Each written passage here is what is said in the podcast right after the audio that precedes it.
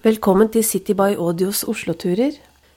Du har valgt turen langs Akerselva fra Ankerbrua til Beiebrua. Den tar 25 minutter. Ha en fin opplevelse. Turen begynner på høyre side av elva, ved de første benkene etter Ankerbrua. Begynn å orientere deg ned til disse. Der vil du få nærmere beskjed om å starte vandringen.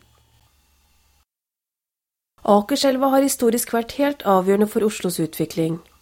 I dag er den et vakkert vandringsmål med sine 9 kilometer, 22 fossefall, 23 bruer og 149 meters høydeforskjell. Ankerbrua er oppkalt etter familien Anker som eide et stort område på vestsiden av elva, Ankerløkka. Kommunen kjøpte en del av denne løkka av familien, et område mellom Hausmannsgate og Akerselva. I 1874 ble det behov for en bru over til arbeiderboligene på Grünerløkka, og man forlenget Torgata med en trebru over elva. Man hadde stadig utglidninger og problemer, og i 1926 åpnet man den broa man har i dag. Begynn å vandre oppover elva på høyre side. Lydguidingen er beregnet på at du rusler hele tiden, du må trykke pause om du trenger mer tid. Du har Jakobs kirke på den andre bredden til venstre for deg. Jakobs kirke er oppført i murstein og er bygd i gotisk stil. Den ble innviet i 1880 som sognekirke for Jakob menighet. Menigheten ble nedlagt i 1984, og kirkemyndighetene i Oslo ønsket å rive kirken. Vernemyndigheter ønsket imidlertid å verne bygningen, og kirken ble besluttet fredet i 1992. Kirkelig kulturverksted holder nå til i kirken og bruker den til ulike kulturaktiviteter. Når du har passert Jakobs kirke, passerer du videre en delvis ivaretatt, delvis modernisert bygning bak rådyrskulpturen på den andre bredden. Inni den moderniserte bygningen holder nå Doga, Norsk design- og arkitektursenter, til. I tillegg er det konferanselokaler, kontorlokaler, leiligheter og Elvebredden kafé og restaurant. Bygningen står på Byantikvarens gule liste over bevaringsverdige bygninger, og er egentlig flere sammenvevde enheter som i hovedsak opprinnelig bestod av transformatorstasjoner, oppført fra 1898 til 1948. Etter at kommunen hadde kjøpt området av familien Anker, bygde den i 1831 Fjæringen skole her. Et par år etter, i 1833, rammet en stor koleraepidemi i byen, og det ble behov for kirkegårdsplass. Akerselva kunne brukes både til kloakk og drikkevann, og koleraen er en vannbåren mage- og tarmbakterie. Syv av ti smittede døde av kolera den gang, og byen mistet 1500 av byens befolkning på 30 000. Området der Jakobs kirke ligger nå, ble lagt ut som kolerakirkegård, og skolen ble gjort om til epidemilasarett. Henrik Wergeland beskrev koleraepidemien som den indiske hevn over britenes koloniseringstyranni i den indiske kolera fra 1835. Du skal hele tiden holde deg langs elva på denne siden, med unntak av et kort stykke oppe ved seilduksfabrikken, da får du nærmere beskjed om å krysse elva. En gangbru passerer elva. Over gangbrua rager en høy fabrikkpipe bak trærne. Det er fabrikken som ligger der. Fabrikken var opprinnelig en tekstilfabrikk som sto ferdig i 1896. Bygningen har senere vært brukt til ulik virksomhet. Under krigen benyttet motstandsbevegelsen den til et bilverksted for å kamuflere biler. Stedet er et særskilt verneverdig industriminne kalles i dag Fabrikken, og det holdes konserter og aktiviteter i bygningen. Den ble bygget med en fasade som tar hensyn til svingen i elva, og du vil se at veggen er buet. Etter at du har passert gangbrua, ser du på den andre bredden den nyoppussede Elvebakken videregående skole.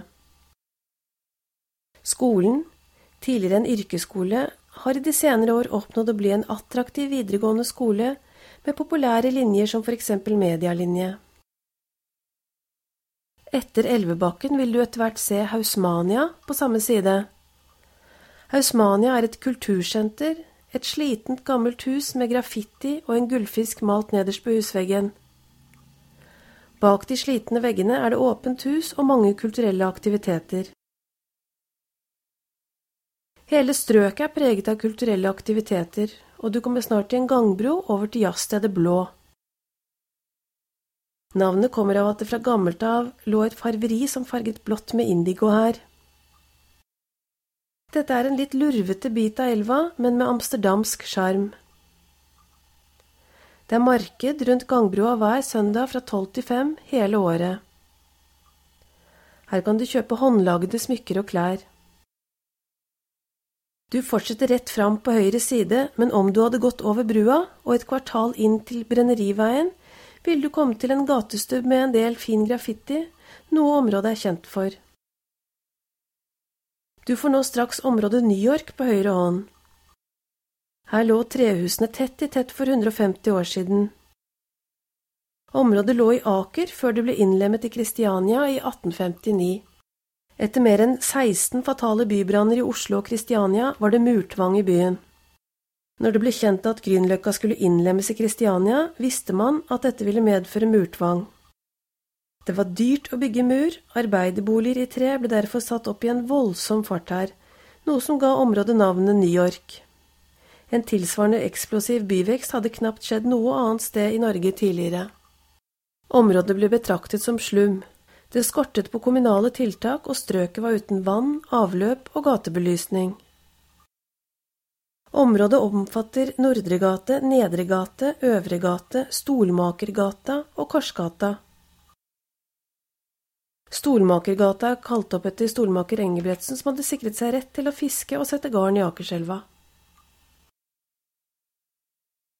Kristiania var en av byene i Europa som hadde størst folkevekst mellom 1815 og 1900. Folketallet økte fra 11 000 i 1815 til bortimot 250 000 i 1900. I årene fra 1814 til 1844 økte antall innbyggere med mer enn 20 000. En tredobling på 30 år. Innflytterne sto for den største veksten. Det var lett å få arbeid, men lønna var dårlig. Byggingen av nye boliger holdt ikke tritt med strømmen av innflyttere. Mange arbeiderstrøk og forsteder var på 1850-tallet derfor preget av boligmangel, overbefolkede hus, fattigdom og slum. Det var ikke uvanlig at to familier delte et rom. Når du kommer til Grünerbrua, skal du krysse veien, vær forsiktig i trafikken. Etter passering skal du fortsette gangveien rett fram, stadig på samme side.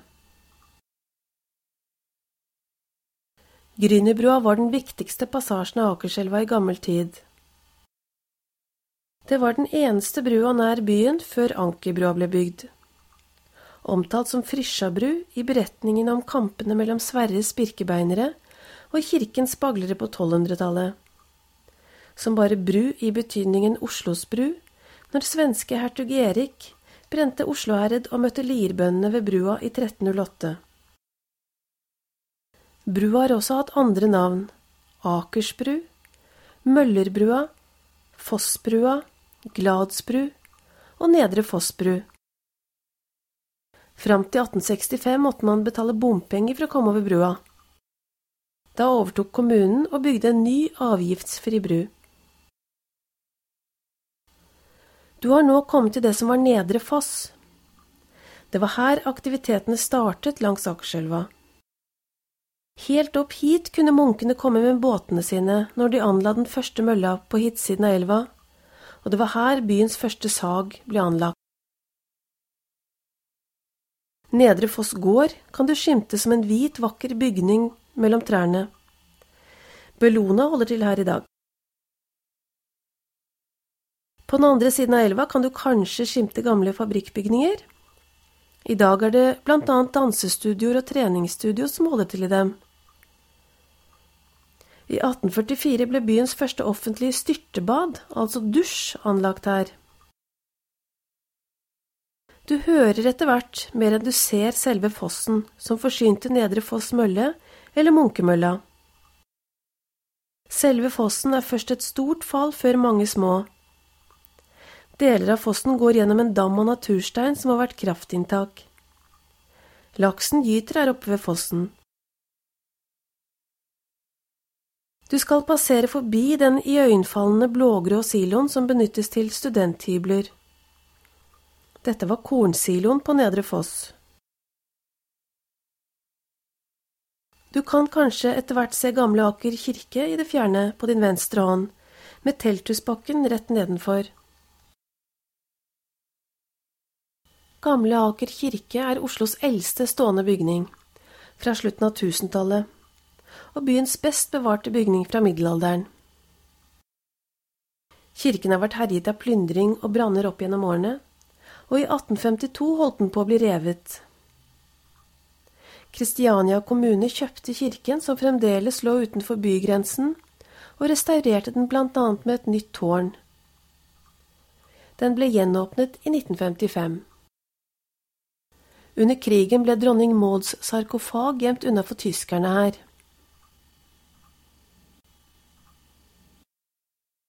Den karakteristiske telthusbakken med sine små, idylliske trehus, som du kanskje skimtet før studentsiloen, er fredet. En populær og fargerik gatestump med ulike småhus som er verdt en kikk. Navnet stammer fra en militær magasinbygning, telthus, som på 1700-tallet lå ved siden av Gamle Aker kirke.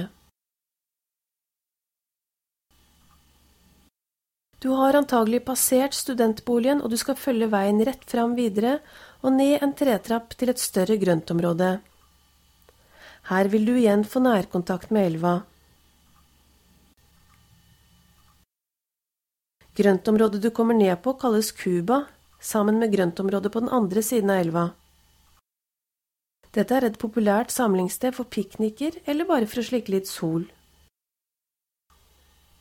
Interessegrupper jobber for at området skal videreutvikles, annet med badekulper og uteservering. Navnet Cuba er gammelt og opprinnelsen uklar. En av mange teorier er at navnet er sammendratt av Kuskebakkene, som de kalte veien opp til Gamle Aker kirke. Når du kommer ned på området, vil du etter hvert se en grov tømmerbru som krysser elva. Dette er Cuba bru. Kan være interessant å ta en bitte liten avstikker over gangbrua til den gamle gassverkstomta og se på den runde, asfalterte plassen som merker av der gassklokken sto. Gassklokken ble oppført i 1923 og skapte da en del støy og protester. Den ruvet med sine 33 meter og med en diameter på nesten 50 meter. Elektrisiteten hadde samtidig begynt å gjøre sitt inntog i husholdningene, og det ble helt slutt på gatebelysning ved hjelp av gass bare noen år etter, i 1929. Gassklokken ble revet i 1973. Veien over Cuba bru er også veien opp mot Telthusbakken og Gamle Aker kirke om du ønsker å ta disse i nærmere øyesyn en annen gang. Fortsett på østsiden av elva mot nord. Kristianias industrielle revolusjon var med på å forme den moderne byen, og den største veksten skjedde oppover Akerselva. Tidligere ble Akerselva kalt Frysja.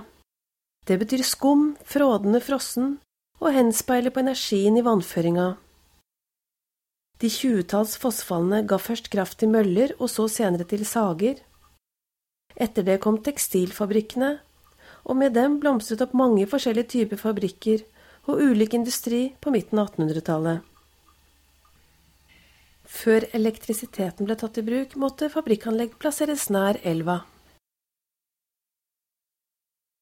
I enden av Cuba-området går gangveien inn i et gammelt industriområde. Her lå Akers Mekaniske Verksted når de startet opp i 1842. Den lille bygningen i utmurt bindingsverk som du får på din høyre hånd når du entrer fabrikkområdet, er det som var begynnelsen på Akers Mekaniske Verksted. Verkstedet holdt til her i tolv år til det flyttet til Aker Brygge på grunn av skipsbygging.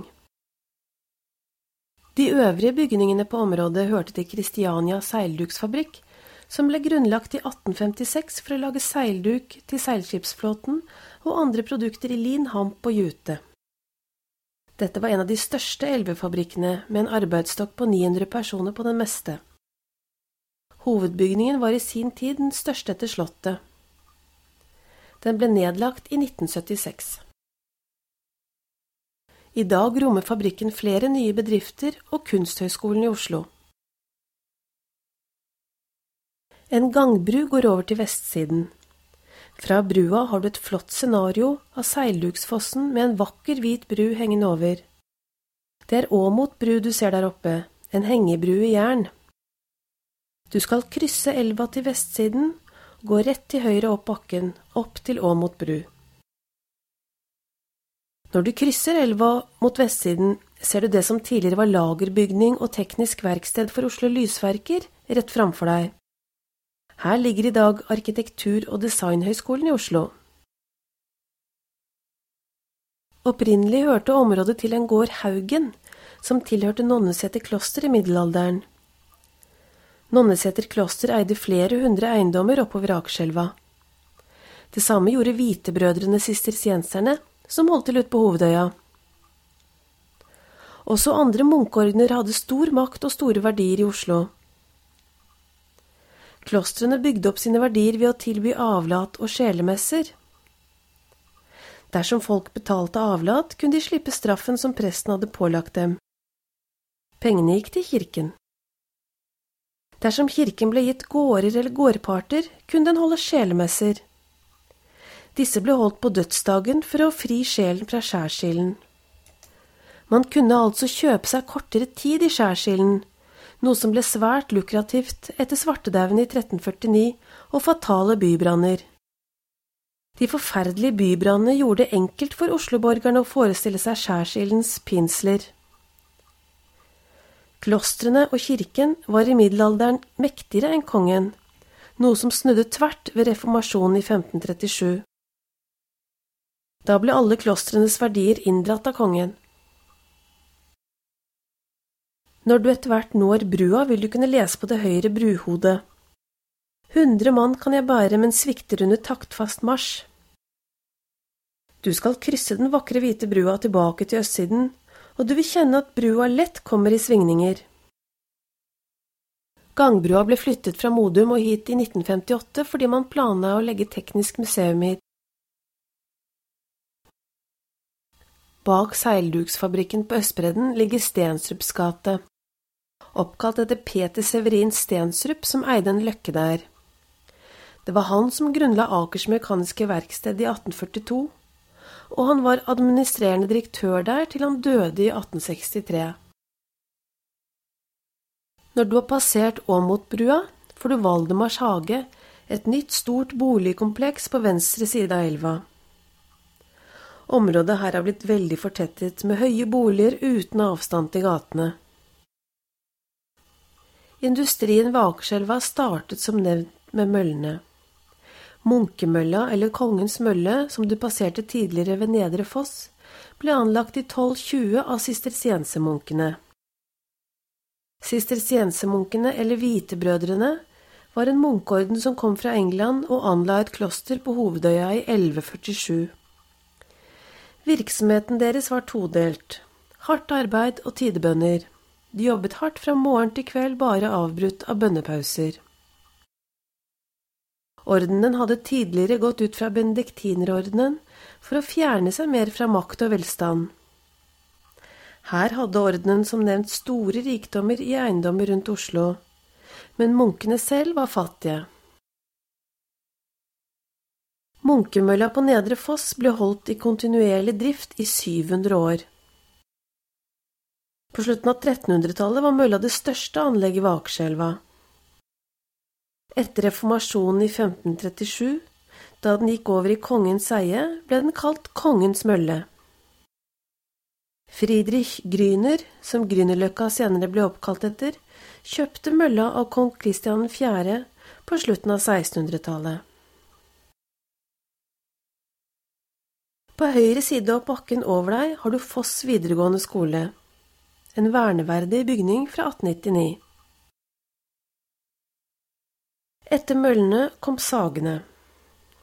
På Nedre Foss lå også elvas første store sagbruk, etablert omkring 1530. I 1624 var det seks store sager og en mengde små. Drøye 100 år senere var det 21 store sager lokalisert om Akerselva.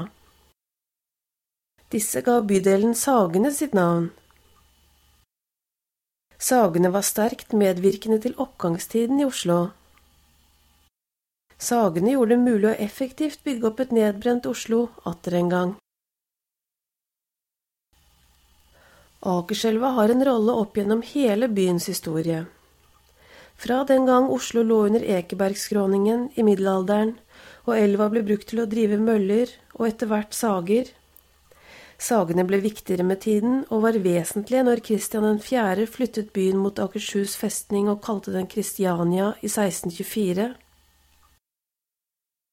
Flere hundre år gikk uten at Norge hadde en norsk konge. Når vi endelig fikk det i 1905, var den nasjonale tankegangen sterk, og man likte ikke at byen hadde navn etter en dansk konge. Navnet Oslo får byen tilbake etter 301 år, etter et stortingsvedtak i 1925.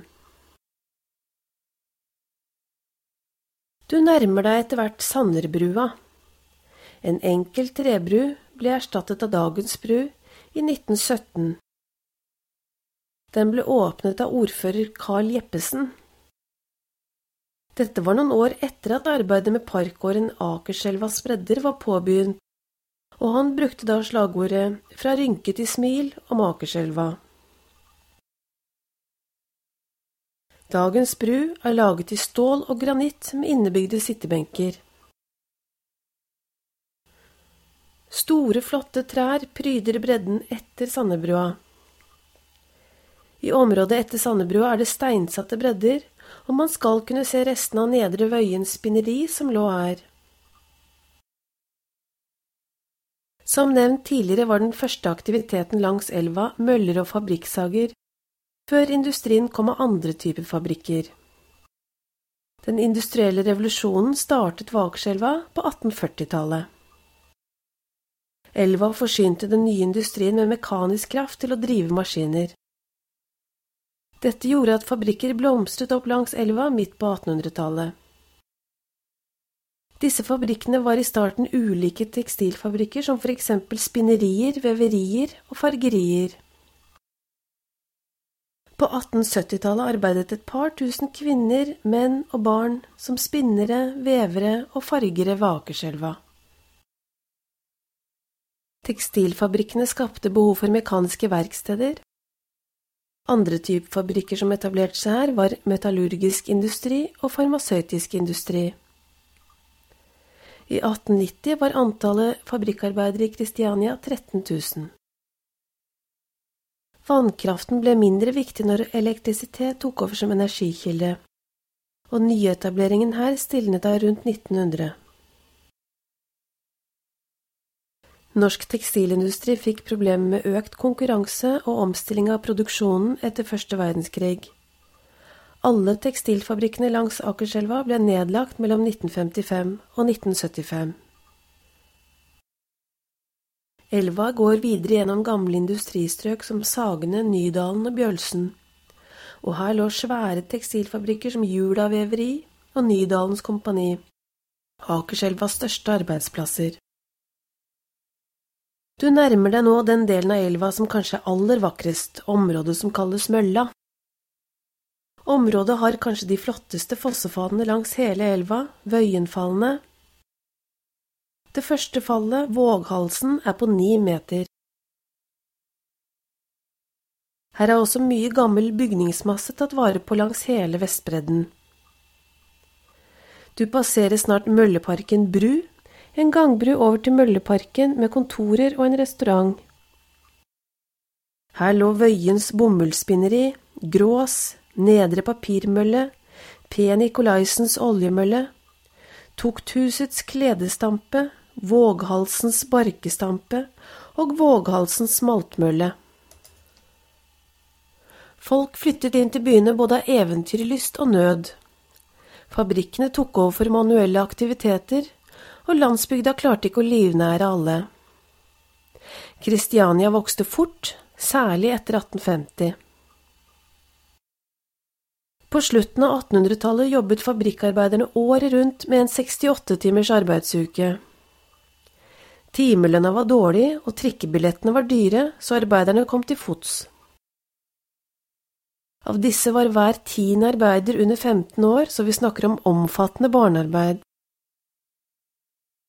En lov i 1892 satt begrensninger på barnearbeid i industrien, men det fortsatte å være vanlig at barna hjalp til med forsørgingen, spesielt i de fattigste hjemmene. Barn med enslige forsørgere begynte å jobbe tidligere enn de som hadde en forsørgende far, så barnearbeidet viser et klart fattigdomspreg. 80% av barna i Kristiania gikk på kommunal skole i 1911. Av disse hadde hele 16% av guttene og 8% av jentene mellom bare 7 og 9 år arbeid. Over halvparten av guttene og mer enn fjerdeparten av jentene mellom 13 og 15 år hadde mer enn 60 timers arbeidsuke. Jentene hadde i tillegg i større grad ulønnet arbeid hjemme. Det søte, lille rødmalte huset på toppen av bakken er Hønselovisas hus.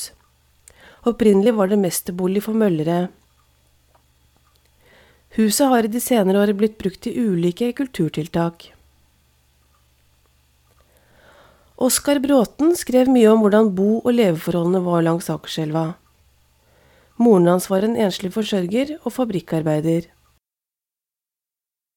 Han beskrev arbeidermiljøet med alt det medførte av arbeidsledighet, alkoholmisbruk, men også om samhold. Han skrev i 1911 skuespillet Ungen, som blant annet handler om Hønselovisa.